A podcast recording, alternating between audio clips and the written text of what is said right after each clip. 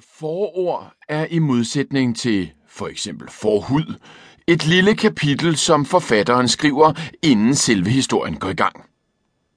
Sådan gal igen. Jeg har skrevet endnu en bog om Karmaboy. Måske har du allerede læst den første og ved derfor, hvem drengen Niller er. Måske gør du ikke. Men bare rolig, den klarer vi i første kapitel.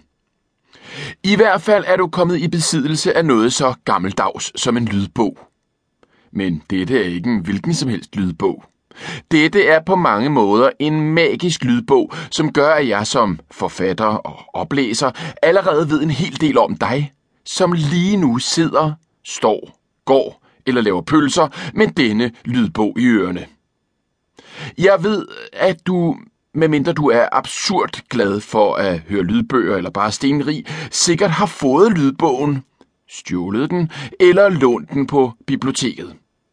Du er sikkert en dreng, en pige eller dyr, og du befinder dig netop nu i en by, på landet, i et vådområde, i en ørken, i en jungle eller på toilettet.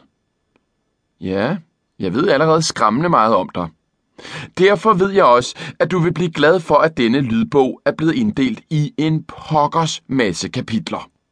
På den måde kan du nu uden at lyve, fortælle din dansklærer, skolebibliotekar eller et andet vemmeligt menneske, at du netop nu er i gang med en lydbog på hele 217 kapitler. Og det stopper ikke her. For denne lydbog indeholder også noget, som alle børn elsker, nemlig fodnoter. Fodnoter er egentlig et lille tal, som er klistret bag på et ord, og dermed forklarer, hvad et ord er. Men da dette jo er en lydbog, får du svært ved at se fodnoterne. Derfor vil der komme denne lyd. Hver eneste gang, at jeg læser en fodnote op. Lad os lige prøve. Fodnote Flere undersøgelser viser, at de fleste børn elsker øh, for eksempel cola højere. Men det var blevet noget forfærdeligt svineri, hvis bogen havde indeholdt cola. Øh, toer, jeg har prøvet. Bytter man lidt rundt på bogstaverne i det gamle danske ord onefedt, får man ordet fodnote. Bytter man videre rundt på bogstaverne, tilføjer nogen og fjerner andre, så får man ord som mælkekano, æblesnaps og røvbanan. Men det er en helt anden snak. En fodnote er, i modsætning til for eksempel fodbold og fodcreme, ikke noget, man kan købe i en butik, men bruges mest i forbindelse med kedelige voksenbøger eller genial og prisvindende børnelitteratur, som eksempelvis Karmaboy. Ligesom at arkitekten Gustav Eiffel fik sit Eiffeltårn i Paris opkaldt efter sig, kan vi i dag takke dyrlæge Hans Jørgen Fodnote for, at han i sin tid fandt på fodnoten. Fodnote. Dette er naturligvis løgn, øh, men det vil du kun vide, hvis du har forstået det magiske og kryptiske fodnotesystem. Nå, men god fornøjelse med historien.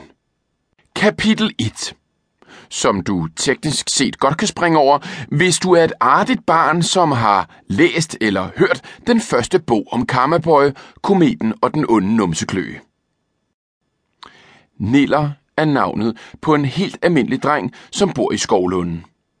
Det vil sige, egentlig var han døbt Nils, men lige siden han var helt lille, har alle bare kaldt ham Niller. Fodnote havde han været døbt Ditlev eller Didrik, øh, havde han sikkert været kendt som Diller i stedet for Niller. Men det er en helt anden snak. Nillers bedste ven hedder Tykke, og det er der en god grund til. For som du nok kan regne ud, er Tykke det, man kalder svært overvægtig.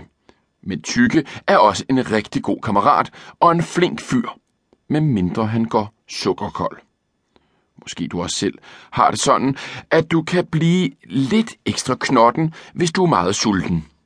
Sådan er det også med tykke. Næsten.